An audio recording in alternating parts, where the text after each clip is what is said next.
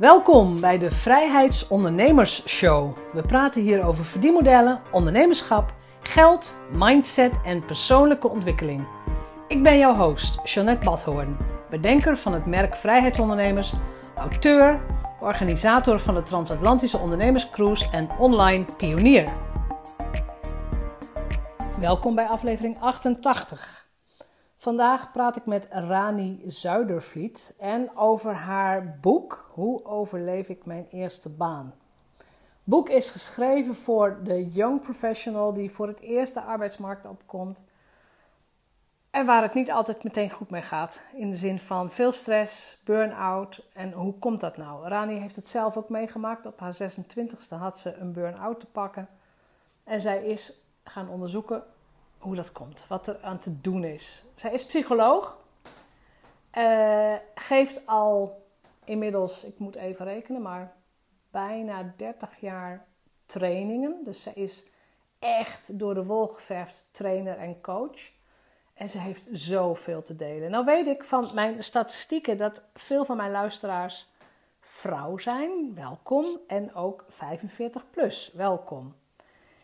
Als jij kinderen hebt in de leeftijd vanaf nou, een jaar of twintig en ze gaan ook voor het eerste werkvloer op, dan is dit een ontzettend waardevolle uitzending. Want we hebben het ook over hoe kunnen wij als ouder, als moeder, onze kinderen begeleiden en helpen en zodanig dat ze niet meteen in de stress schieten of naar een burn-out gaan. Dus veel plezier bij deze aflevering. Weer bedankt voor het luisteren en tot een volgende keer. Vandaag praat ik met Rani Zuidervliet. Welkom. Dank je. Wat een mooie voornaam. Is, ja. Is het ergens vandaan? Of vraagt iedereen dat? Nou, het is, uh, ik heet uh, eigenlijk Urania. Dat is de godin van de sterrenkunde. Mijn uh, vader was gymnasiast. En die had daar blijkbaar affiniteit mee. En daar hebben ze Rani als roepnaam uitgehaald. En Rani, ja. ontdekte ik pas later in het leven, betekent in het Sanskriet prinses volgens mij, of koningin. Dus uh, de, het, de het klinkt inderdaad een beetje Indiaas, een beetje ja, uit die Klopt, ja, daar kom je het vaak tegen. Ja. Oké, maar het is dus een naam, niet, je hebt hem niet zelf gekozen, hij is jou gegeven. Hij is mij gegeven en ik ben een Hollandse kaaskop, dus ik heb helemaal niks Indiaas of exotisch, helaas. helaas, nee, daar kun je niet veel aan doen, dat is gewoon. Nee, nee het houdt op bij mijn naam. Ja, nou, dat geeft niet. Misschien ben je er wel eens geweest in India? Nee, mijn ouders zijn er een paar keer geweest. Uh, India trekt mij niet zo. Ik ben wel in Sri Lanka en andere Aziatische landen geweest, maar India vind ik wel heel heftig. Dat is, dat is het ook. Nou, ja. dat, dat, is het ook. Dus daar gaan we het vandaag verder niet over hebben. Maar nee. ik ben altijd wel heel benieuwd van. Want ik weet namelijk dat uh, soms doet een naam, of een naam heeft invloed op je. Laat ik het zo zeggen. Dus ik zou me voor kunnen stellen dat je zegt, nou, ik ga dat toch eens uitzoeken. Ja, ja. Nou ja, uh, ik zeg altijd meer Rani is kort en krachtig en dat ben ik ook. Dus in die zin past de naam goed bij me. Ja, dat is helemaal goed. Wij praten met elkaar in het kader van de auteursmaand. Ja. Want op de dag dat wij dit interview opnemen, verschijnt jouw eerste boek. Ja, klopt. Een groot moment. Dat is een heel groot moment. Allereerst gefeliciteerd. We hebben geen bubbels bij de hand, maar anders zou ik nee. even proosten. ja. Ja, want het is echt inderdaad een groot moment. Um, ja, vertel eens iets over jezelf. Hoe lang geleden ben je begonnen als ondernemer? Ja. Waar verdien je de kost mee, om het zo te zeggen? Mm En wat maakt dat jij je kostbare tijd hebt gestopt in het schrijven van dit boek? Ja, even kijken. Nou, uh, Rani Zuidervliet, ik ben uh, eh, 45. En ik ben psycholoog van huis uit en ik ben eigenlijk al op de universiteit in het trainersvak gerold. Um, ik liep stage aan de universiteit als trainer. Ik gaf uh, trainingen aan medestudenten. En van daaruit werd ik gevraagd om bij Boutine Partners, dat was toen een hele grote club, uh, te komen ja. solliciteren. Nou, ik had mazzel, want ik werd gelijk in vaste dienst genomen. Dat is, uh, ja, gaat nu even anders. in die tijd kon ja. het gewoon allemaal nog. En uh, ik heb daar de eerste vijf jaar heel veel training gegeven aan de recherche, aan de politie. Jeugd- en zedenzaken en de recherche in verhoortechnieken. Of in ieder geval de psychologische kant van het oh, verhoren. Oké, ja. Dat was wat wij toen deden. En dat, zat, dat deed ik door heel Nederland. Dus ik zat, uh, zo'n cursus duurde drie weken. Dus ik zat, af, zat ik in Heerlen of in Lochem of in Breda of in nou, Rotterdam. Drie weken? had jij Ja. dezelfde groep mensen Ja. trainen in verhoortechnieken? Ja, 16 rechercheurs en die moesten dan uiteindelijk een examen doen. Cool. Ehm, ja, dat was ontzettend leuk, en, eh, maar ook wel pittig. Want eh, je, je snapt wel dat als je in Heerlen traint en in Amsterdam woont, dat je heel veel reistijd hebt. Ja, ja. Ehm, daarnaast had ik een vriend in Zeeland, waar ik eh, getogen ben. Dus in het weekend reed ik dan nog even naar Zeeland. Kortom, na een jaar of anderhalf eindigde ik met een burn-out op de bank. en hoe oud was je toen? Ik denk dat ik 26 was. Ah, zo jong. Ja, ja, in mijn eerste baan. Dus ik denk dat daar onbewust een soort kiempje gelegd is eh, voor waar ik nu mee bezig ben. Nou, Ja. dat denk ik ook. Ja. ja. Ja, dus ik heb heel veel affiniteit eh, met die eerste fase in de loopbaan in combinatie met stress en burn-out. Nou ja, fijn. Ik heb bij een aantal trainingsbureaus gewerkt. Ik ben geëindigd als accountmedewerker eh, of accountmanager bij VDS trainingsbureau. En toen dacht ik op een dag, hey, ehm, twee dingen. Ik hoor mezelf fluiten. Dat doe ik eigenlijk nooit. En wat heb ik gedaan waardoor ik zo blij ben vandaag? En toen dacht ik, nou, ik heb iemand gecoacht. Ik heb een draaiboek gemaakt. Dus toen dacht ik, weet je wat, ik moet gewoon weer terug het vak in. Ja, je moet Als weer met je in de modder. Ja, als trainer en als coach. Dus toen heb ik eigenlijk tegen de directeur gezegd, ik wil wel voor mezelf beginnen. Nou, dat vonden zij prima en zij hebben mij eigenlijk op weg geholpen. Dus dat is nu vijf, zes jaar geleden, denk ik. Ja, en je bent voor jezelf begonnen gewoon puur omdat je helemaal weer terug wou naar de kern Ja. van waar je goed in bent, waar je talent ligt Ja, en waar je blij van wordt. ja ik dacht, ik was toen jaar 40 en ik was net moeder geworden. En ik dacht, ehm, wie moet ik nog bewijzen dat ik alles kan? Ik mag ook gewoon nu gaan oogsten en de dingen gaan doen ja, waar mijn moeiteloosheid zit en waar mijn talent zit. En eh, die ik ook leuk vind. Ja, ik Dus vind dat dat we was dat heel fijn. moeten doen. Ja, dat altijd heeft doen. het. Ja. Precies, dus dat, Ja. eh, dat was een hele mooie eh, nou, inzicht wat ik opeens eh, had. Ja. En toen is het heel snel gegaan. En ik ben nog steeds heb elke je, dag heel heb blij. je toen ook meer vrijheid ervaren in de zin van Ja. kon je opdrachten uit gaan kiezen? Kon je weken wel, weken niet? Hoe deed je dat? Nou, kijk, ik merk wel dat het in, als ZZP'er in eerste instantie heel verleidelijk is om overal ja op te zeggen. Want ja, het je, bent natuurlijk, je bent bang dat het werk eindig is, hè? Ja. Ja. Dus in het begin heb ik echt overal ja op gezegd. En reed ik dus ook echt eh, drie keer per week naar Veldhoven toe. eh, en dan ging ik in het donker weg en kwam ik in het donker thuis. Wel hele leuke trainingen, maar wel eh, pittig ook weer. Ja. Ehm, dus dat blijft altijd een soort spanningsveld. Van ehm, aan de ene kant, ik werk voor mezelf, dus ik heb de luxe om nee te zeggen. En aan de andere kant, ja, maar wat nou als? En ja. Ik merk dat ik er steeds beter in word om die balans te hanteren. Omdat ik nu ook na vijf, zes jaar ook wel weet dat ik ja, eigenlijk tot nu toe altijd zwem in het werk. Ik wou net zeggen, want wat is jouw strategie daarin? Heb je nu een bepaald, heb je een maximum aantal trainingsdagen of heb je een, een soort omzetplafond waarbij je zegt van weet je, als ik dit heb, Mhm. meer hoeft niet? Hoe doe je dat?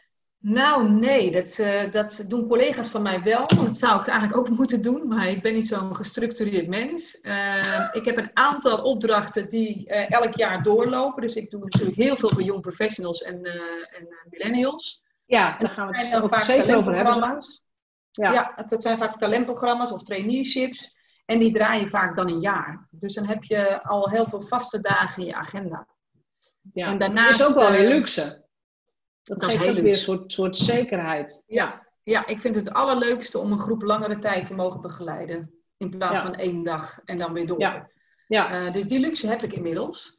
Eh, en daarnaast coach ik ook best wel wat eh, young professionals. Dus dat, daar vul ik eigenlijk de andere dagen een beetje mee op. en dat zijn en, de één op eh, eens. Ja, ja. Ja. Ja. En die combinatie vind ik heel leuk. Dus en de langdurige programma's en aan de andere kant het één op één werk. Dat, eh, Ja. Dus, eigenlijk- maar eigenlijk, eh, los van het feit dat je echt nog wel in de auto moet enzovoort, maar je doet wel wat je, wat je echt leuk vindt. ja, ja, het is Dat wel is echt het werk. eh, ja. En dat is Ja. grappig en ook mazzel, want ik ben ermee begonnen toen ik 19 was. Ja, en ik ben nu 45, dus ik ben eh, behoorlijk wat jaren verder. En, en, en elke keer eigenlijk toch in hetzelfde vak gebleven. Dus het Maar ja, is het mazzel of ben, je, of ben je er gewoon heel goed in? Nou ja, eh, heel onbescheiden, denk ik beide. Maar je moet natuurlijk wel, kijk, als je heel jong op de arbeidsmarkt komt, eh, dan, en je kiest een studie omdat je interesse hebt in een studie. De vraag is natuurlijk altijd of je ook talent hebt daarvoor. En dat ontdek je als je start. En of Dat je het echt ja. leuk vindt in de praktijk, ontdek je ook Ja, in de start. En ik merk klopt. vaak dat starters in hun eerste baan, nou, de kans dat je dan precies de baan vindt die bij jou past, is natuurlijk niet zo groot. Nee, klopt. Dat was bij mij ook zo. Dat ik dacht van, ja, dus oh, de opleiding was heel leuk en de studie was leuk, maar wat doe ik hier? Ja. Juist, dat. En dat zie ik dus ook heel veel bij starters. En ik heb dus de mazzel gehad dat het allemaal bij elkaar paste. Ja. Want dan jouw boek. Hoe heet je boek? Ja. Mijn boek heet Hoe overleef ik mijn eerste baan? En de ondertitel is eigenlijk het carrièreboek voor startende jong professionals en hun organisatie. En is dit een boek wat jij zelf had willen hebben toen je 25 was? Ja, hè, wat ik net al zei, ik denk dat daar een soort uh, uh, start, uh, de basis ligt toch in mijn eigen verleden. Ik had het heel fijn gevonden om toen ik begon met werken, meer handvatten, meer inzichten en een soort reality check te hebben. en ik denk dat dat me een heleboel ellende had kunnen besparen. En dus ook mijn organisatie een heleboel ellende en kosten had kunnen besparen. Want dat is ja, ja. Hoe lang ben je eruit geweest? Nou, ik ben wel een half jaar. Uh, in die tijd werd er natuurlijk nog veel minder eh, begeleiding, uh, aan begeleiding gedaan. Hè. Dan zat je ook gewoon echt, echt maar thuis. Ja. Dat is natuurlijk tegenwoordig veel, wordt daar veel actiever mee omgegaan. Ja. ja, en ook volgens mij preventiever al veel meer mee Juist, precies, ja. precies. Ehm, maar in mijn tijd was dat natuurlijk toch weer anders. En ik, het grappige is, is dat we nu 21 jaar verder zijn, of ik in ieder geval. Ja. En dat ik uh, nog steeds uh, dezelfde vraagstukken tegenkom als die ik had toen ik begon. Bij jouw klanten, bij de mensen die je hebben geleid? Bij mijn, ja. Uh, ja, ja, ik heb nu duizenden jong professionals en millennials gesproken, gecoacht en getraind. Ja. En, en, waar ik ook kom, of ik nou bij de spoorse sector kom, of de automotive, of op de Zuidas, of in de advocatuur, of in de consultancy. de werkdruk verschilt natuurlijk. Ja. Maar de vragen die je hebt als je start met werken zijn bijna overal gelijk. En uh, ik vind het eigenlijk heel vreemd en ook wel wat pijnlijk dat iedereen opnieuw het wiel moet uitvinden. Ja. Met alle gevolgen van dien. Hè? Dus er zitten jaarlijks 100.000 starters met een burn-out op de bank. Ja, weet ik. Ik, ik. Af en toe zie ik de statistieken en dan schrik ik daar heel erg van. Ja. als, ik nou eens terugga naar, als we teruggaan naar de Rani van 25. Ja. En stel dat het boek er al was geweest. Ja. Had, je, had je dan geluisterd? Ehm, nou, weet je, ik denk, uh, dat is natuurlijk altijd de vraag, maar ik denk dat ik uh, wel meer informatie had gehad. Ehm, en ik was nu gewoon, uh, als het gaat om bijvoorbeeld het voorkomen van burn-out, dat is geen hogere wiskunde. Het is geen virus zoals het corona, wat je oploopt in de supermarkt. nee, dus nee je, ziet het, je ziet het aankomen. Nou, als je gewoon, als je wat meer kennis van zaken hebt, wat meer informatie hebt over hoe dat werkt en hoe dat opbouwt en hoe je dat herkent, kun je dat echt voorkomen. En overal waar ik kom, heb ik het over stress met uh, jong professionals en over hoe je dan stress kunt vermijden. En eigenlijk hoor ik dan altijd allerlei strategieën die averechts werken. En dat heeft echt te maken met een bazaal gebrek aan juiste informatie. Ja, juist. Nou, dan gaan we gewoon het boeken induiken. Ja. Ehm, ik weet vanuit de statistieken van de podcast, de, ja. gemiddelde, 80% is vrouw die luistert. Ja. ja. En um, ongeveer 75% is 45 plus. Dus de, het zijn de vrouwen met kinderen van die leeftijd, of in elk geval. Wat ik ook in het voorgesprek zei, mijn kinderen gaan over twee, drie jaar de arbeidsmarkt op. Dus ja. ik ben heel benieuwd, wat kan ik mijn kinderen meegeven om, want boeken lezen, dat doen ze niet heel veel meer. Nee. Dus we moeten het op een andere manier tot ze brengen, geloof ik. Ja. Maar duik je boek eens in. Wat zijn inderdaad de stresssignalen? Wat zijn de strategieën die wel werken, niet werken?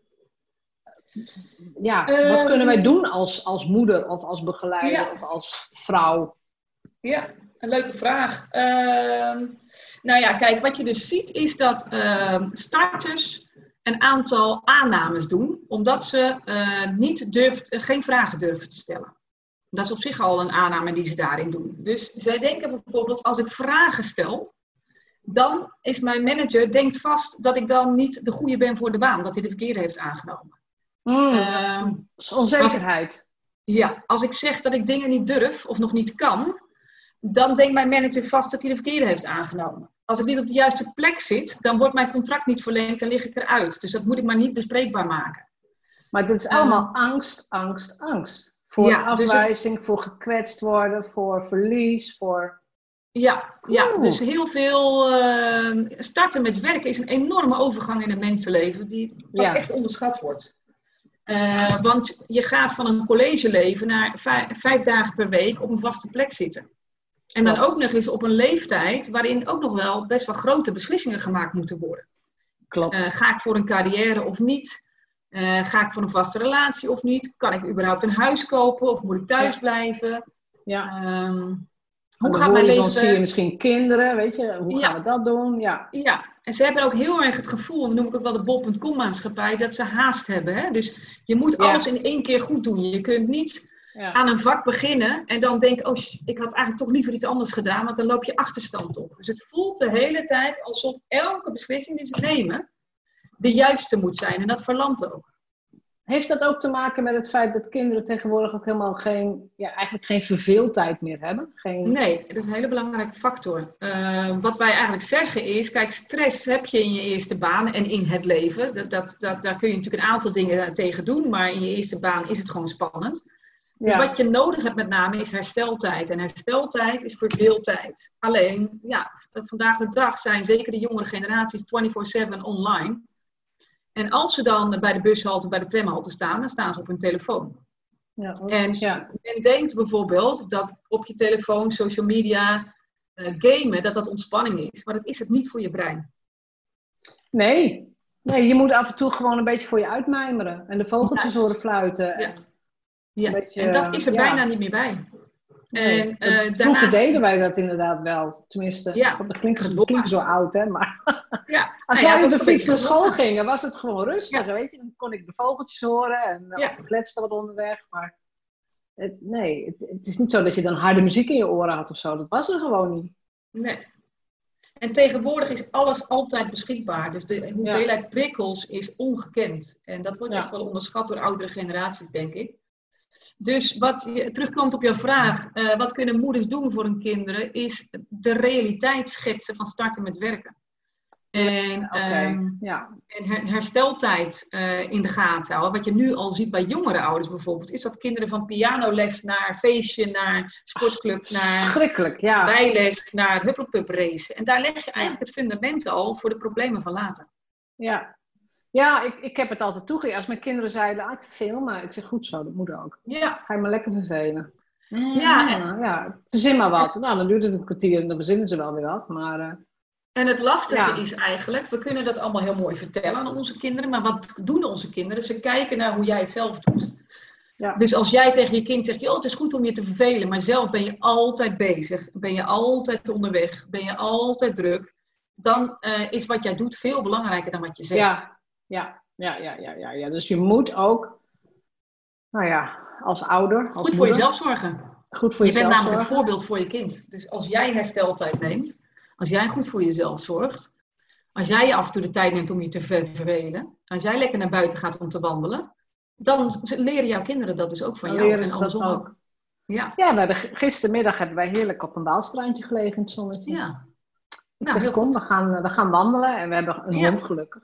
We gaan wandelen, waar gaan we heen? Nou, we willen graag daarheen. Ik zeg, prima. Nou, picknickkleedje mee. Gewoon op, ik weet niet, wat was het gisteren, dinsdagmiddag. Er was helemaal niemand. En dat is heerlijk. Nou, anderhalf uur lekker daar gelegen. Een beetje gekletst, zonnetje, bootjes kijken. Ja, Ik geniet daarvan. Maar goed, ik ben ook een aparte moeder. Ik kan heel hard werken. Dus Ja. ik zit nu in een periode van Ja. heel erg productief zijn en heel veel doen. Eh, maar ik ga ook gerust drie weken op cruise. Zonder kinderen of Nou, zonder maar dat is wel een mooie die je daar eh, aanhaalt. Want eh, kijk, van hard werken krijg je geen burn-out. Hè? Dus, Nee. eh, dat is ook een misvatting die heel vaak... in de pers gaat het eigenlijk altijd over een beroepsziekte. En dat is het niet. Nee. Een burn-out ontstaat in een combinatie van werk en privé. En als je het dan hebt over vrouwen van, van onze leeftijd, en, en ik ben 45 en, en daarboven, zie je juist ook dat zij zelf een kwetsbare doelgroep zijn van burn-outs, omdat er vaak naast werk en kinderen ook nog mantelzorg aan te pas komt. Ja, de sandwich-generatie, hè? Ja, Ja. ja. dus eh, we hebben het nu over de jong professional, maar de vrouw van 45 eh, tot 55 is, eh, is de tweede risicogroep. En zijn vrouwen hoger risico dan mannen? Vrouwen zijn vatbaarder voor stress. En uh, ik denk dat dat ook wel te maken heeft met een fenomeen dat mannen geneigd zijn om uh, succes aan zichzelf te wijten en mislukking in hun omgeving te leggen. Dat is een psychologisch effect. En vrouwen doen precies tegenovergesteld. Dus als ja. iets goed gaat, denken ze, oh, ik heb mazzel. Of ja, maar dat kan door. Ja, jij zei het letterlijk. Jij zei het net letterlijk. Ja, ja. nou, ik zei een combinatie, hè? Ja, ik heb wel iets geleerd in de afgelopen jaren. Ja, ja maar het is inderdaad, ik herken het, ja. Ja, ja. En uh, veel jonge, daarom hebben ook veel meer jonge meiden lopen tegen een burn-out aan die starten met werken. En dat heeft ook te maken met het idee van, uh, dat, dat, is een fenomeen, uh, is dat ze, uh, hoe, nou ik kan het honderd keer zeggen, is dat ze niet bang zijn door de man te vallen. Dus imposter syndrome. Ja, dank je, het imposter syndrome. Ze denken van, hey, ik heb mazzel gehad toen ik werd aangenomen, ze hebben niet goed opgelet. En ik kan elk moment door, moment door de mand vallen. Nou, dat geeft natuurlijk al dagelijks heel veel stress. Ja, ja precies. Als stel je voor dat ze ontdekken dat ik het eigenlijk niet kan. Of, uh... Ja, en dat hebben heel veel starters, uh, dat gevoel. Ja, nou, ik herken het ook bij mijn generatie hoor, nog steeds. Ja. ja. En dat heeft vooral, ik zie het ook in een combinatie met als mensen gaan weer echt werken in hun zone of genius, waar ze echt heel goed ja. in zijn. Ja. Eigenlijk moeiteloos supergoed dat ze dan ook inderdaad zeggen, ja, maar zo makkelijk kan het toch niet zijn? Ja, precies. Dat, dat kan toch helemaal niet? Het, ja. Waarom kunnen andere mensen, dat, daar gaan mensen toch niet voor betalen? Dat is allemaal zo makkelijk, twee vingers in de neus. Ja. En dus als je dat gaat herkennen van jezelf, en dan moet je niet aan andere mensen hangen, maar gewoon echt van jezelf, hier zit ik in flow, hier doe ik echt iets waar ik heel goed in ben. En ik omarm dat helemaal, maar dan ook echt. Ja. Dan zie je dat je daar een talent in hebt en dan mag je daar ook echt voor gaan staan. En dan ben je ook niet meer bang ja. om door de man te vallen. Nee, en tegelijkertijd weet je denk ik ook wel, kijk, starten met werk is ook een grotendeels een reality check. Namelijk, uh, je moet ongeveer 10.000 uur werken voordat je een expert bent. Uh, het is logisch, hè? wat heel veel jong professionals denken bijvoorbeeld, is dat de weg naar de top een rechte stijgende lijn is. Ze ontdekken natuurlijk heel snel dat dat niet het geval is en gaan dan nee. dus ook zich zorgen maken. Want hè, uh, op Instagram, al hun vrienden hebben al wel twee promoties gemaakt en rijden wel in die dikke Of zo, ja precies, of zo, ja. Of, ja. ja. Uh, dus, dus er is ook wel een reality check van, ja hoor eens even, goed worden in een vak heeft tijd nodig. En leiding geven als je nog maar één jaar werkervaring hebt, is niet handig. En aan de andere kant, ik heb ook op de Zuidas gewerkt. En ik werkte in de advocatuur onder andere. En dan zag je dus mensen met een startsalaris waar ik ongeveer mee eindigde. Ja. En die beklaagden zich dan toch ook veelal dat ze op zondag moesten werken en op zaterdagnacht en et cetera. En dat is natuurlijk ook best wel heftig. En tegelijkertijd zei ik, maar als jij kiest voor dit salaris, dan kies jij ook voor deze uren. En Juist. dat is ook vaak een reality check. Hè? Toen ik trainer werd ja. bij dat trainingsbureau, kreeg ik gelijk een dikke leaseauto mee naar huis. Ik vond het geweldig. Ja. Aan het einde van het jaar wist ik waarom, want ik had 40.000 kilometer gereden. Precies. Maar dat is dus een soort, uh, weet je, dat is een soort uitruil van heel ja. veel, nou ja, geld of status of wat dan ook. Uh, en dan moet je ook accepteren dat je, nou ja, opgeslokt wordt. Dat je ja. 100% ja. beschikbaar moet zijn voor die, voor die werkgever. Ja. En ik vind het ook goed hè, om dat te ontdekken. Ik vind ook niet dat je je kinderen van dingen moet weghouden. Nee. Laat ze het maar ervaren en laat ze maar merken van, oh, dit is misschien niet wat ik met mijn leven wil. Prima. Ja. Ga je weer heroverwegen.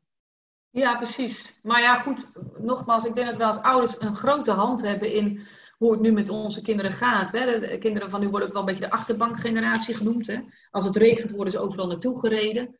Ze ja. worden bedolven onder complimenten. Ze zijn allemaal bijzonder en uniek en geweldig. Ja, maar dat stond, dat stond in die opvoedboeken, hè? Dat je je kinderen ja. alleen maar complimenten moest geven. Ja. En op een, gegeven moment, op een gegeven moment las ik een ander artikel. Dan, dan krijgen ze geen tegenslag en zo. En sindsdien doe ik dat ook niet meer. Als het niet goed is, is het niet goed. En, oh, nee. Maar één klein voorbeeldje. Mijn yeah. dochter voetbalt. Ik heb een dochter van 16. En ze is fanatiek, hè? Ze, ze voetbalt fanatiek. En haar team ook.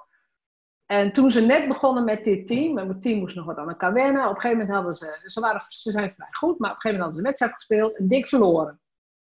En al die andere moeders langs de kant, ja, jullie hebben goed gespeeld, goed gespeeld. En dan sta ik zo, ja, goed gespeeld, jullie hebben hartstikke verloren. Nee. Ja. Dan is mijn dochter, die kijkt dan echt zo naar mij. Mam, waarom zeg je dat? Ik zeg, het is gewoon niet goed. Ik bedoel, nee. jullie hebben misschien je best gedaan, maar het andere team was veel beter. En ja. daar moet je van leren. En uiteindelijk snapt ze dus nu waarom ik dat ook zeg. Ja, dat, ja, dat, dat eeuwige pamperen van ja, nee, heel goed. En wat kun jij zingen en wat een mooie tekeningen. Dat, nou ja, dat uitzicht ook bij die talentenshows op tv. Hè? Ja. Eh, ik, ik, weet niet hoe het allemaal heet, maar dan komt daar zo'n kind en dat gaat dan zingen en dat is vals. En dan denk ik, ja. dat zeg je toch als ouder, denk ik dan. Maar nee. Ja. Nee, kijk, onze taak als ouder natuurlijk niet om de vriend van ons kind te zijn, maar om ervoor te zorgen dat ons kind straks een volwaardig deelnemer aan de maatschappij kan zijn. En, en dat is toch, ik denk dat veel van onze generaties, ook omdat er best wel veel scheidingen zijn in onze generatie, dat veel ouders zoiets hadden, dat moet ik compenseren. En dat daardoor ook best wel wat jongeren ook wel uh, ja, soms iets te veel verwend zijn en misschien wat minder uh, kritisch zijn opgevoed dan goed voor ze is. Ja, nou ja, aan de andere kant, het is gewoon een generatie. Ik bedoel, ik, ik, ja, jij ook. En ik ben ook van de generatie. Het heeft ons alleen maar meegezeten in feite. Met heel veel dingen. Ja.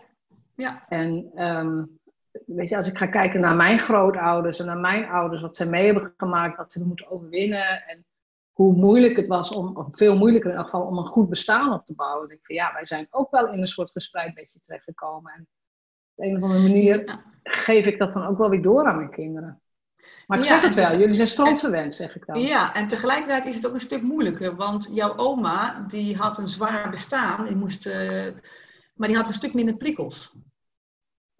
Klopt. Dus de en ook, snelheid ook veel minder van de maatschappij... Ook veel minder vergelijking, ja. Ja, dus de snelheid van de maatschappij nu is, is eigenlijk te veel voor de hersenen die we nu hebben. Die ontwikkeling gaat eigenlijk te hard. Dus uh, zeker die jongeren zijn consequent overprikkeld. En uh, wat ik net ook al zei, uh, er zijn dan ook nog wat kromme denkbeelden als het gaat over wat helpt tegen stress. Namelijk, ja, vertel, als ik dus een hele, hele drukke baan heb, met veel stress, dan moet ik dat dus compenseren door in mijn vrije tijd heel veel leuke dingen te doen. En dat vinden ze, denken ze dat werk-privé-balans is.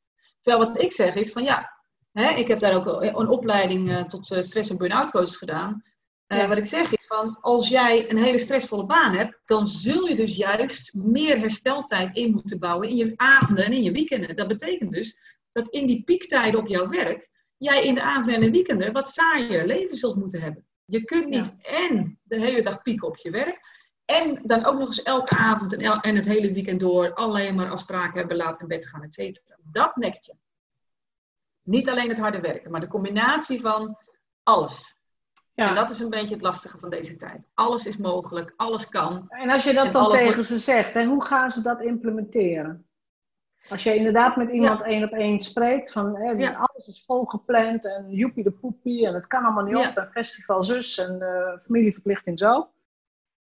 Hoe, hoe begeleid jij ze?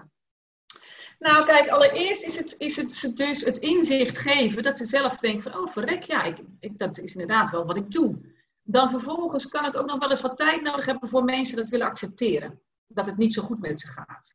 dat is oh, eigenlijk altijd de belangrijkste stap. Ja. Uh, en dat, dat is iets wat, je, wat ieder op zijn eigen moment doet. De een vecht er langer tegen dan de ander. Dus de een kan sneller zeggen, hé, hey, het gaat niet zo goed met me en ik moet nu daar wat aan doen. En de ander die zegt, nou, uh, onzin, ik red het wel. En die heeft wat langere tijd nodig om te accepteren dat hij moet ingrijpen. Of, uh, maar wat ik met name zeg is, joh, het is allemaal niet zo ingewikkeld. Het gaat om hersteltijd. Dus als jij een drukke baan hebt, zorg dat je je pauzes pakt op je werk. Ga naar buiten toe. Als je thuis komt, zorg in ieder geval dat je voordat je gaat slapen wat rust inbouwt en niet de hele avond aan het gamen bent. En als er geen stress is, hoeven we dit gesprek niet te voeren, zeg ik altijd. Als het goed gaat, gaat het goed. Hè? Don't change the winning team. Maar als jij merkt dat je onrust in je lijf hebt, als je merkt dat je s'nachts niet goed inslaapt, of je wordt s'nachts wakker en je valt niet meer in slaap. Als je merkt dat je meer een piekeren bent.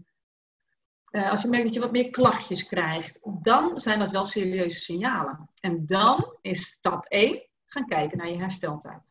En dat hoeft echt geen uh, uh, hele dagen te zijn. Als jij tijdig ingrijpt, dan ja, voorkom je Je moet, op tijd, op, je moet op tijd dit soort kleinere signalen al herkennen. Alle hersteltijd. Ja?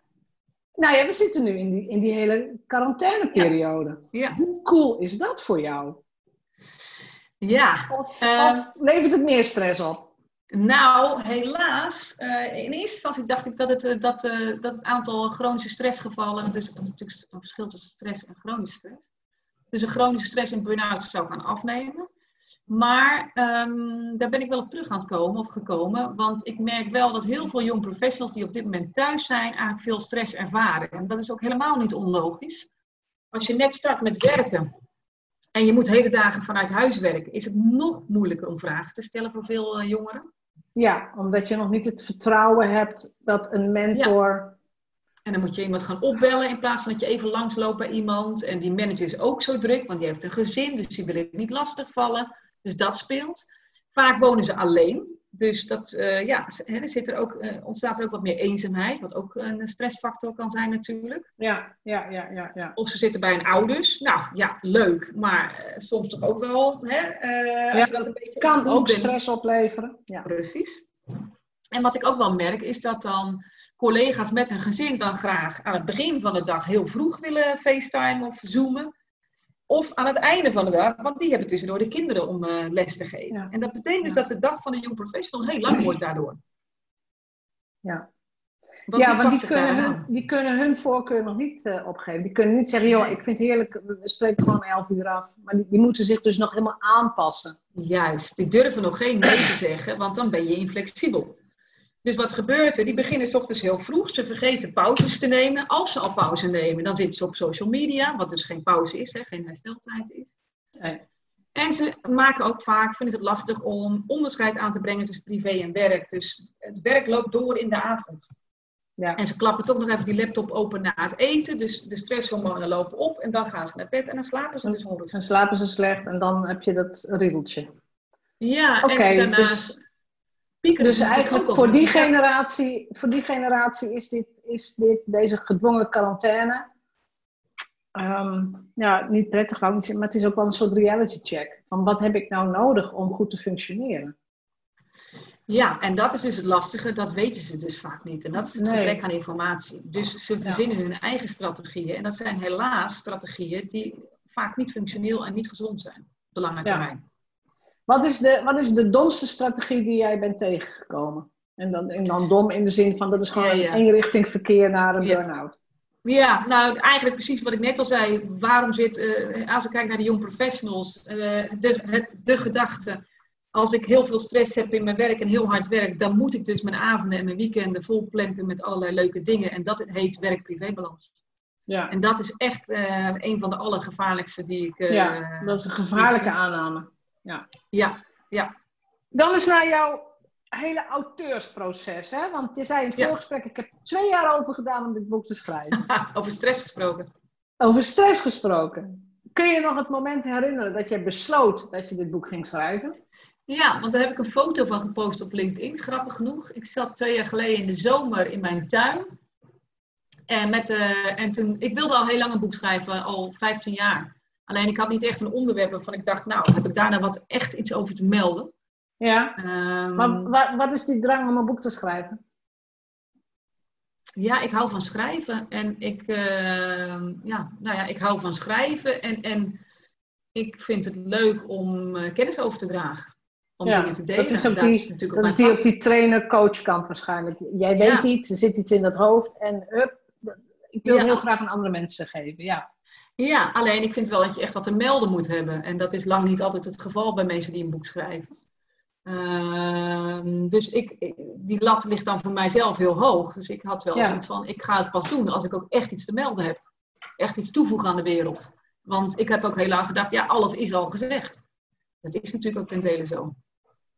Ja, dus dat ja. uh, remde mij in ieder geval. Uh, en ja, dus het, het, kwam er niet van. Ik heb daar niet onder geleden hoor. Af en toe kwam het eens opzetten, dat idee. En, ja, precies. Maar het gevoel was er. En, uh, ja. Want ik, ik, bedoel, ik praat best, best vaak met mensen ook over burn-out. En wat je inderdaad aantikt van ja, maar het moet wel heel goed zijn. En ik moet wel wat te melden hebben. En de lat lag heel hoog. Dan denk ik, oh, dat zijn allemaal van die ding, ding, ding. Karaktereigenschappen. Ja waar, die, die iemand gevoeliger maken voor een burn-out, volgens mij. Zeker. En dat is zeker met name dus bij vrouwen die deze eisen leggen, eh, aan, hè, zichzelf opleggen. Hè? Perfect moeten zijn, mooi moeten zijn, je moet een fit girl zijn. Je moet carrière maken, je moet een ideale relatie hebben, je moet de wereld zien, je moet drie talen spreken, je moet twee studies gedaan hebben, je moet een bestuursjaar gedaan hebben. Uh, je moet promotie maken binnen een jaar. Je vergeet de kinderen nog. Hè? Je moet ook nog een hele goede moeder zijn. En dan... Ja, straks moet je ook nog kinderen krijgen. Moet perfect zijn. Je moet natuurlijk in een VT-wonenhuis wonen. Ja, oh ja, tuurlijk. Ja. dus die, die eisen zijn enorm. En uh, die worden alleen maar hoger door het social media verhaal natuurlijk. Ja, ja als je er gevoelig voor bent. Ik bedoel... Ja, maar veel... Kijk, wij mensen zijn kuddedieren. Dus we vergelijken ons automatisch met anderen. En social media leent zich daar... Uh, ja, is alleen maar één grote vergelijking natuurlijk wat we doen. Ja. En we posten alleen maar onze succesverhalen. En we trappen er nog in ook als we dan het succesverhaal van de ander zien. Ja, nou misschien is dat ook een taak die je dan aan je kinderen moet uh, Ja, dus echt precies van hey, wat is hè, Ik zeg het ook met een boek. Ik heb nu een boek geschreven. Mensen die er nooit een boek geschreven hebben denken, jezus wat cool en wat gaaf. En denk ik, ja ho ho ho, daar heb ik twee jaar lang heel hard voor gewerkt. En ik heb er tranen omgelaten en ik heb het rotting in de kast geflikkerd. En ik dacht, ik begin er nooit meer aan. Dus het is niet zo dat een boek zomaar even uit de lucht komt vallen. Daar, daar zit heel veel, nou ja, je weet er alles van. Ja, bloed, zweet en tranen in. Het bloed, zweet en tranen. Ja, en, het, is niet alleen het, het is niet alleen het schrijfwerk, maar het is ook voor een heel groot deel het mentale werk. Van, is dit goed genoeg? Leg ik het goed uit? Is dit wat, wat de lezer wil lezen? Zit iemand hierop te wachten? Uh, dus nou ja, dat, ben ik, dat was ik vrij snel kwijt hoor. Dat, ook dat, uh, Gelukkig. Dat gevoel van zit iemand hierop te wachten. Want ik heb gewoon de mazzel gehad dat mijn eerste boek ook meteen bij een uitgever kwam. En de uitgever zei meteen ja tegen van, ja. zal ik hierover schrijven? Ja. Ik denk, oh, nou ja, die uitgever, dat, misschien helpt dat, hè. De uitgever zal wel weten of er een markt voor is. Dat is dan toch nou, een expert. Ja. Dat is mazzel, dat, hangt van het, dat hangt van het onderwerp af. Ik had dus geen uitgever, want elke uitgever zei, heel belangrijk onderwerp, het is overduidelijk dat je expert, expert bent op dit gebied, maar wij uh, geven boeken uit om geld te verdienen. En dat betekent dus dat er zoveel lezers moeten zijn. En Young Professionals is de doelgroep die minder leest dan de generaties daarvoor. Dus boeken voor Young Professionals zijn heel lastig. Um, ja, tenzij je het zo gaat brengen, inderdaad. Het is een leerboek voor alle HR-afdelingen, voor managers, voor ouders. En dan ineens heb je een hele grote doelgroep. Maar daar waren uitgevers dan weer niet zo gevoelig voor. Want dat nee, is niet hun nee, nee. Nou ja, uh, prove them wrong. Dat is het enige wat je kunt doen. Hè? Ja. Maar ga, ga eens terug naar het schrijfproces. Je hebt het besloten. Uh, twee jaar geleden zat je in de tuin. Je wist ook dat het hierover moest gaan. Hè? De young professional die voor het eerst uh, op de werkvloer komt. En dan? Hoe heb je het aangepakt? Nou, dat was wel grappig, want ik dacht, ja, weet je, ik, eigenlijk alles wat in het boek staat, sta ik al 21 jaar te vertellen, bijna dagelijks. Dus ik dacht, nou, appeltje, eitje, uh, dat ga ik opschrijven. Maar toen liet ik het iemand lezen die zei, ja, maar wacht eens even, uh, als jij het staat te vertellen, krijgen ze jouw persoonlijkheid erbij. En, en die combinatie van de boodschap en, en jij als persoonlijkheid, die, die maakt dat je impact hebt. En die impact is nu weg, want ja, ze, ze zien lettertjes en niet jou erbij. Ja. Ze zien niet het jou vertellen met, met wie jij bent. Uh, dus dat was een hele belangrijke nou, uh, valkuil die ik ontdekte. En daarnaast ook, ja, het lastige is als je, het is een typische expertvalkuil, is dat je dus ook alles wil vertellen. Ja, ja. Je wil het heel precies vertellen en je hebt zoveel kennis. En je hebt veel te veel kennis voor één boek. Ja. Juist. Ja. ja. Je kunt tegelijk, als je, als, je echt, als je echt al een paar jaar meeloopt, dan kun je zo vier, vijf boeken schrijven. Ja. Dat zou moeten. Ja. ja. Dus ik wilde alles in dat boek zetten. Alles. Want ik wilde alles meegeven aan, uh, aan de starter. En, ja. Uh, uh, ja, dat, dat kan natuurlijk niet. Dus het is een heel proces van kill your darlings, hè, zoals ze zeggen. Keuzes maken. Ehm, ja. Je beperken tot de basis. Wat, wat moeten ze weten om hier profijt van te hebben? Wat is need to know en wat is nice to know? Ja. Um, dat. En het is natuurlijk ook een proces, ik weet niet uh, hoe jij dat hebt ervaren, maar waarin je inderdaad jezelf dus, nou ja, wat we net ook al zeiden, jezelf flink tegen kan komen.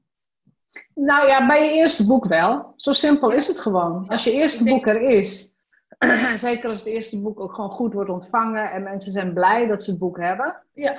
dan denk je bij het volgende boek van, nou ja, weet je, um, dit gaat ook wel weer lukken. Nou, maar dan heb je ook wel door hoe bijvoorbeeld de structuur, de opbouw van een boek werkt, van een hoofdstuk, et cetera. En dat is natuurlijk ook in het begin het lange zoeken. Van, uh, hey, je moet het wervend schrijven. Dat is natuurlijk anders dan in een training. Uh, ja, je moet heel actief schrijven, ja. Ja, en, en hoe bouw je zo'n hoofdstuk op? Je moet mensen eerst het hoofdstuk intrekken door hun interesse te wekken. Nou ja, dat zijn ook allemaal technieken. Dat als je die eenmaal nu beheerst naar je eerste boek, denk ik dat het ook makkelijker wordt voor een Ja, maar precies. Daarom, daarom is het ook. Weet je, het eerste boek is gewoon het allermoeilijkste om te schrijven. Ja.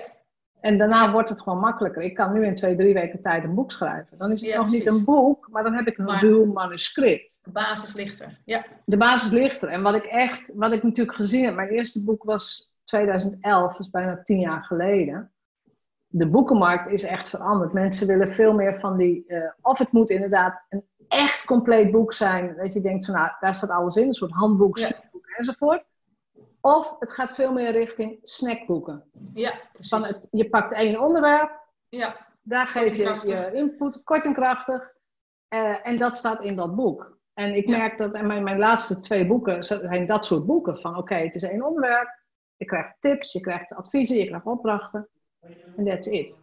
En ik weet vanuit mijn expertise, en dat zul jij ook hebben, dat het een stukje is in een hele keten of in een kapstok. Of ja, precies. Maar dat stukje kun je prima in één boek schrijven.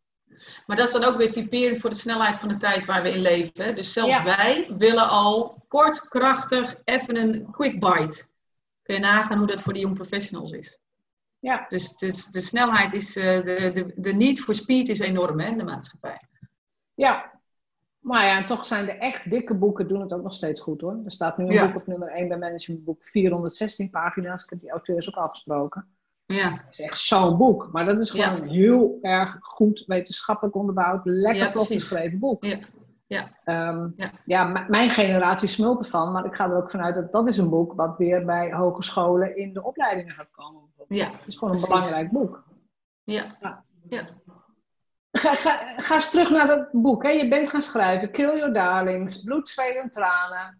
Um, je hebt het in de kast gegooid. Met welk gevoel gooide jij het toen in de kast?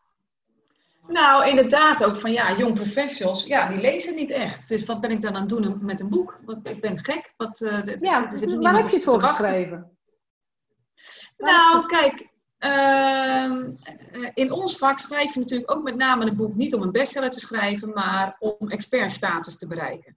Hè? Want er lopen heel veel trainers rond, het barst ervan zou ik bijna willen zeggen, een wild groeien aan trainers en die zeggen allemaal je moet mij hebben. Uh, dus een boek schrijven, daarmee laat je zien van oké, dit is mijn visie. En uh, ik heb een visie, überhaupt. Ja. En uh, mensen maken kennis met jou en jouw expertise middels je boek. Met het boek, dus voor mij en ik heb daarnaast, ik ben dan toch een beetje een idealist. Ik heb daarnaast iets als er maar één jong professional dit boek leest, waardoor die een aantal valkuilen op voorhand verkoopt, voorkomt en soepeler uh, van starten naar uh, autonome professional groeit, dan is het mij al die moeite waard geweest. Ja. Nou ja, uiteindelijk gaat zo'n boek zijn weg gewoon vinden. Ja, en, en kijk, ik heb, we hebben het natuurlijk over de, de young professional en de millennial. Maar wat ik uh, toen elkaar net ook al eerder spraken ook al zei, is, het is natuurlijk ook een boek waar heel veel mensen die met young professionals werken profijt van kunnen hebben. Precies. Want er wordt wat geworsteld in organisaties door ons ouderen met de jongere generaties. Er is heel veel onbegrip en ruis en frustratie. Ja, dus stel dat jij inderdaad manager bent van zo'n van zo'n van zo'n nou ja, van een groepje young professionals of stel dat jij de, de, de HR-persoon bent die die mensen moet ja, begeleiden of die de managers begeleidt. Um, ik vind het ook je taak om, te, om je daarin te verdiepen. Ja, precies. De wereld verandert en de, en de generaties ook. En uh, vaak is het beeld heel negatief. Maar ik denk als je dit boek leest, dat je een heel reëel beeld krijgt. En ja, uh, er zitten dingen aan millennials en young professionals die, hè, ja, ze kunnen verwend zijn. Ze willen alles snel. Dat klopt. En aan de andere kant hebben ze het dus ook op sommige gebieden echt niet makkelijk. Niet makkelijker dan wij het hebben gehad in ieder geval. En... Nee. Weet je, dat is met elke generatie toch zo. ik vind het ook zo raar om als oudere generatie te zeggen dat de generaties die na ons zouden komen uh, slechter zijn. Of nee, wat een onzin. En trouwens, dat, zeiden ze van ons ook toen wij begonnen met werken. Ja, wij waren ook, uh, ook, lui en arrogant. En, uh... Precies. En weet je, dat, dat, daar ga ik helemaal niet in mee. Vind ik helemaal niet, uh, vind, vind, ik namelijk niet. Ik vind de jonge generatie ook. Um, ik vind ze verfrissend. En wat ik ja. heel erg leuk vind, natuurlijk, misschien moeten ze hun eerste burn-out een keer hebben. Ik heb geen idee. maar wat ik heel leuk vind, is dat er vanaf een veel jongere leeftijd aandacht is voor wat wil ik nou echt en waar ben ik goed in. En dat is mij nooit gevraagd. Nee. Nooit. Nee, wij deden gewoon de baas zei eh, springen en dan sprongen wij. En uh, wat ik, wat deze generatie is veel zelfbewuster, veel meer bezig inderdaad met uh, waartoe uh, doe ik dit? Wat is voor mij belangrijk? Aan de andere kant, dat is ook weer een valkuil, want elke keuze moet dus een hele goede, afgewogen, beste keuze zijn. En dat kan dus, wat ik eerder ook al zei, ook wel af en toe een beetje verlammen. Ja. Maar uh, het feit dat ze daar veel meer mee bezig zijn, dat, uh, ja, dat, dat, had ik graag op mijn leeftijd ook wat meer gekund. Nou ja, weet je, ik denk ook dat het leeftijd is. Je moet leren relativeren. Ja. En je moet af en toe een tegenslag krijgen. Dan denk je van, oké, wat is er nou gebeurd? Nou ja, eigenlijk, ik ben ook mijn baan wel eens verloren. Ja. En dat vond ik echt vreselijk. En toen op een gegeven moment dacht ik van, nou ja, wat is nou echt gebeurd? Ja. Oh, ik moet weer een nieuwe baan zoeken, weet je? Ja. Oké. Nou, en dat is een beetje wat ik in dat boek wil meegeven. Van, ja. ja, weet je, het, het, het, uh, het hoort er allemaal bij. Iedereen heeft dit. Ook die, die beste vriendin op Instagram die van die gave posts heeft. En ook jouw manager is ooit gestart met werken. En dat is hij misschien vergeten. Maar toen vond hij het ook moeilijk. En het, iedereen, ook al zegt niemand het, iedereen worstelt daarmee. En dat is oké. Okay. Ja, tuurlijk. tuurlijk. En dat is oké. Ben jij nu al auteur? Want ik heb jouw LinkedIn-profiel ook bekeken ja. en zo. Dus ik heb gezocht naar het boek en het woordje auteur. Ik kon het nog niet vinden, maar hoe, hoe voelt dat voor jou op identiteitsniveau? Uh, nee, ja, ik ben zeker auteur. Ik heb alleen mijn LinkedIn-profiel inderdaad nog niet aangepast. Ik dacht van de week, oh, dat moet ik nog even doen. Maar dat is meer... Dat moet je doen. Ik ben, dat moet je ja, doen. Ja. Ik ben ook met zoveel andere dingen bezig geweest. Met, uh, nou, ik ben wat, wat, filmpjes aan het opnemen geweest. En uh, boeken aan het versturen geweest naar vrienden en bekenden. En, dus ik ben, het is domweg nog even niet van gekomen. Ik zei net ook, ik ben net verhuisd. Vraagt ja. ook het een en ander. Ik heb een kind van zes thuis. Vraagt ook het ja. een en ander. Ja. Um, ja. Dus uh, klopt, ik, ik, voel me wel zeker auteur, ja. Ja. ja. En, en, en hoe voelt dat? Wat doet dat met je? Nou, het is wel een enorme trots. Ik voel me wel heel, heel trots. Omdat ik, uh, ja, je houdt iets in je handen waar je naam op staat. En, en waar je gewoon, wat ik zeg, gewoon heel hard voor gewerkt hebt. Ja. En uh, ja, waarvan je hebt besloten op een dag in de tuin, ik ga een boek schrijven. En dat is leuk. Maar tussen die dag en het boek daadwerkelijk voor het eerst vasthouden, zit een heel proces. En dat proces, proces, doorlopen en jezelf overwinnen en jezelf tegenkomen en, en volharden. En, en ik heb het ook met heel veel plezier gedaan, want ik vind het ontzettend leuk om te schrijven. Dus laten we dat niet vergeten. Maar al met al ja, is dat een enorme persoonlijke groeispurt ja. die je doorloopt, denk ik. En dat is wel iets om heel trots op te zijn. Denk nou ja, maar dat is ook een hele belangrijke les voor iedereen die nu luistert. En ook, ja. ook ooit een boek wil schrijven, ja. accepteren dat het veel werk is, accepteren dat je jezelf tegenkomt. Wat ik heel slim vind is, zoek een schrijfbuddy, een coach of weet ik veel. Zoek iemand die jou kan begeleiden in dat traject. Maar het gevoel dat je dan inderdaad dat fysieke boek echt in handen hebt, ja, dat, is, dat is trots, maar het is zelfs nog iets meer dan trots voor mij. Het was een. Nou ja, toen ik de eerste keer mijn eigen boeken had, van Jeetje. Ja. Um, wie had dat ooit gedacht? Weet je dat gevoel? Ja. Ja. Het, het, ja, dat herken ik ook wel. Ik had eigenlijk nooit gedacht dat ik dat... Ik riep het al 15 jaar. Uh, en nu is het er. En dan denk ik, jeetje joh, dat is wel overweldigend. Ik, dus, ik vond het een hele emotionele, heel emotioneel moment om een boek ja, uh, aan te zien komen en vast te, te houden. En uh, ik schoot er echt van vol. En dat, dat heb ik soms nog wel eens als ik aan denk denk ik, nou, dat heb ik toch maar mooi gedaan in het leven. Het is ook een soort kindje van je. Toch? Ja, het was een lange dracht bij jou. Ja, oh, ja. ja, nou ja, ik heb, wat ik zeg, ik heb, het, uh, ik heb het een behoorlijke periode in de kast gelegd. Dus, ja, uh, mijn eerste boek heeft ook anderhalf jaar geduurd. Het was ook een lange dracht. Het was ook, ook gewoon, ja, nou, ook dat proces. Ja, en ik heb het, uh, ik heb het gedaan naast, mijn vriend werkt in het weekend. Ik heb een dochter van zes en ik, ben, ik trainde door het hele land. Dus ik heb het echt in de avonturen, de weekenden en de vakanties gedaan. Precies. Dat kan ik je niet aanraden. Het is makkelijker nee. om langere tijd achterin gesloten te gaan zitten. Het gewoon te blokken en te schrijven. Ja. Klopt. Ja, dat klopt. Ja, want ik weet niet hoe het bij jou is, maar de ene dag sta je te trainen. Dat is een totaal andere energie. En dan kom je s'avonds thuis en dan ga je aan je boek zitten. En, en die, ja, dit, die energie matcht dan weer niet met het schrijven van een boek. Nee, dus dat, die overgangen zijn elke keer heel. Dingetje. Ik, ik echt tussendoor schrijven. Ik kan wel een stukje schrijven tussendoor. Ja.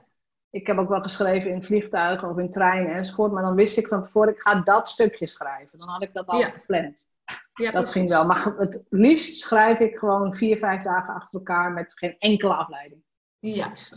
En dan is het Ja. gewoon een brain dump en schrijven. En, maar dan heb ik de structuur, de blueprint, alles is er al. Ja. Nou, dat wat je- jij zegt, de blueprint, hè, daar begint het allemaal mee. Ja, je moet gewoon je kapstok hebben. En, dan, dan, en daar mag je echt tijd in, in stoppen. En op Ja. het moment dat jij je goede inhoudsopgave hebt en je weet wat je hoofdstukken gaan zijn, hoe ze gaan heten, wat erin gaat, ja, dan wordt het gewoon een invuloefening. Dan is Precies. oké, ik ga vandaag Precies. dit stukje, dan ga ik dat stukje. Ja. Maar ik sluit me inderdaad ook graag op. Gewoon weg, niet eens thuis, liefst niet eens thuis, maar gewoon ergens anders en dan eh, ja. lekker Ja, maar goed, die, die luxe moet je hebben. Ik had hem niet en ik heb het ook gered. Dus laat het geen eh, voor, voor toekomstige Nee, oh niks, precies. laat het je niet, is eh, afremmen daardoor. Maar Nee. eh, gun jezelf dan meer tijd. Dus leg de lat dan wat lager als het gaat om je deadline. Want als je die lat te hoog legt, raak je ontmoedigd. En als je hem reëel legt, niet. Dus een Ja, beetje nou, dat beeld is ook voor zo. jezelf. Dat is ook zo. Als je gemiddeld genomen acht uur per week de tijd hebt om te schrijven, dan kun je binnen zes, zeven weken een boek hebben van eh, een kleine 100 pagina's. Ik weet niet, hoe dik is jouw boek? Dikker volgens mij. 140? 100, zoiets, 140. Ja, ja. Ja. ja goed. Dus het, weet je, het kan allemaal kort, maar laat je daar absoluut niet door afleiden. Ehm, moet je er meer tijd voor nemen, moet je dat gewoon doen. Kunnen we nog een tweede boek van je verwachten? Of ga je met dit boek Ja. andere spannende dingen doen? Nou, mijn eh, vriend zegt, dit jaar ga jij geen boek meer schrijven. Nee, Nee, daar geef ik hem gelijk Nee. in. het was te veel stress thuis. Nou, wat ik zeg, hè, het is, eh, ik begon, eh, ik ben, ik ben natuurlijk nog maar vijf, zes jaar geleden als ZZP'er begonnen. Dus ik reed nog heel veel naar Veldhoven, wat ik je eerder ook al zei, Arnhem, Ja. et cetera. Ja, ja. Mijn vriend werkte in het weekend, dus dan had ik een dochter van eh, vier eh, eh, die om half zeven aan het bed stond. Ehm, dus, dus het opstarten als ondernemer, een jong kind thuis, in de weekend alleenstaande ouder zijn, hè, voor een groot gedeelte. En dan in de avonduur nog even een boek schrijven en dan in de ouderraad zitten, et cetera. Dat was een beetje veel van het goede. Dus dat heeft natuurlijk ook zijn weerslag gehad op het feit dat mijn vriend, die mij eh, heel erg steunt, maar ook wel wat gaten dicht moest lopen af en toe. Ja, ja dat, dat, dat is inderdaad wel iets. Van op het moment dat jij een boek schrijft, dan eh, moet je ook tegen je familie of je gezin kunnen zeggen: jongens, ik ben er Ja. bij. Ik heb Ja. ook wel eens een kerst, kerstdiner overgeslagen, een kerstdag. Dan Ja, gaan jullie maar gewoon, neem de kinderen maar mee. Ehm, ja, ik heb een deadline, het moet gewoon af. juist. Ja, En Ja. ehm, kijk, en als, als iemand dan gaat, dan is natuurlijk die, die balans, hè? want je krijgt tegendruk van, ja, van je kinderen, van je man, van je partner, weet ik veel, van schoonouders, ouders. Ah, wat ongezellig. Ja, precies. eh, God, kom nou toch gewoon. Ja, eh, maar uiteindelijk moet jij heel goed weten van ja, ik heb die deadline, ik wil hem halen. Ik wil gewoon in dit geval het boek af hebben. Ja. Het kan ook iets anders zijn, maar ik, ik wil hier gewoon ik, ik wil mij houden aan mijn eigen afspraken. Dat is voor mij dan heel belangrijk. Ja. Ja. Herkenbaar. En gelukkig is mijn vriend iemand die zegt, joh, weet je, eh, daar gaan we ervoor. Dus ik heb ook Ja. echt het gevoel dat, oké, ik heb een boek geschreven, maar we hebben echt met z'n drieën, een, eh, hè, mijn dochter, mijn vriend en ik, Ja, hebben met z'n drieën een boek eh, in het leven gebracht, Ja. zou ik maar zeggen. ja, en dat helpt enorm als je, als je gezin daarachter staat en, en daarin met je meedenkt. ja. Klopt. En dit boek, je hebt een boek, ben je van plan om bijvoorbeeld ook meer het podium op te gaan? Komt er een online training bij? Of eh, Ja. hoe ga je verder met dit boek? Ehm, nou, ik, ehm, eh, ik, ik doe, ik, ja, weet je wat is? Ik doe eigenlijk alles al. Dus ik, ik heb al een eh, training Young Professionals on Top, heet die. En die is echt voor organisaties, voor hun starters, waarin eigenlijk al die vragen die in mijn boek ook beantwoord worden, ja, in de trainingszaal behandeld worden. Dus dat Ja. doe ik al. Dus eigenlijk was die training ook een grote bron voor het boek. Dus het werkt een beetje andersom in dit geval. Ja, Ik zou het heel leuk vinden om meer voor grote groepen, hè, dus wat meer eh, webinars of eh, eh, hoe heet het? ehm, ik kan het honderd keer zeggen, nu weer niet natuurlijk. Als je voor grote groepen spreekt. ja, online of offline? Hoe bedoel je? Nee, offline, gewoon op podium. een presentatie, een keynote. Keynote speaker te zijn. Dankjewel, dat is het woord wat ik zocht. Dat lijkt me ontzettend leuk. Ja, maar voor HR-mensen of zo, weet je? Ja, of voor de doelgroep, of voor de arbo-artsen. Want ja, die hebben natuurlijk heel veel jong professionals over de vloer.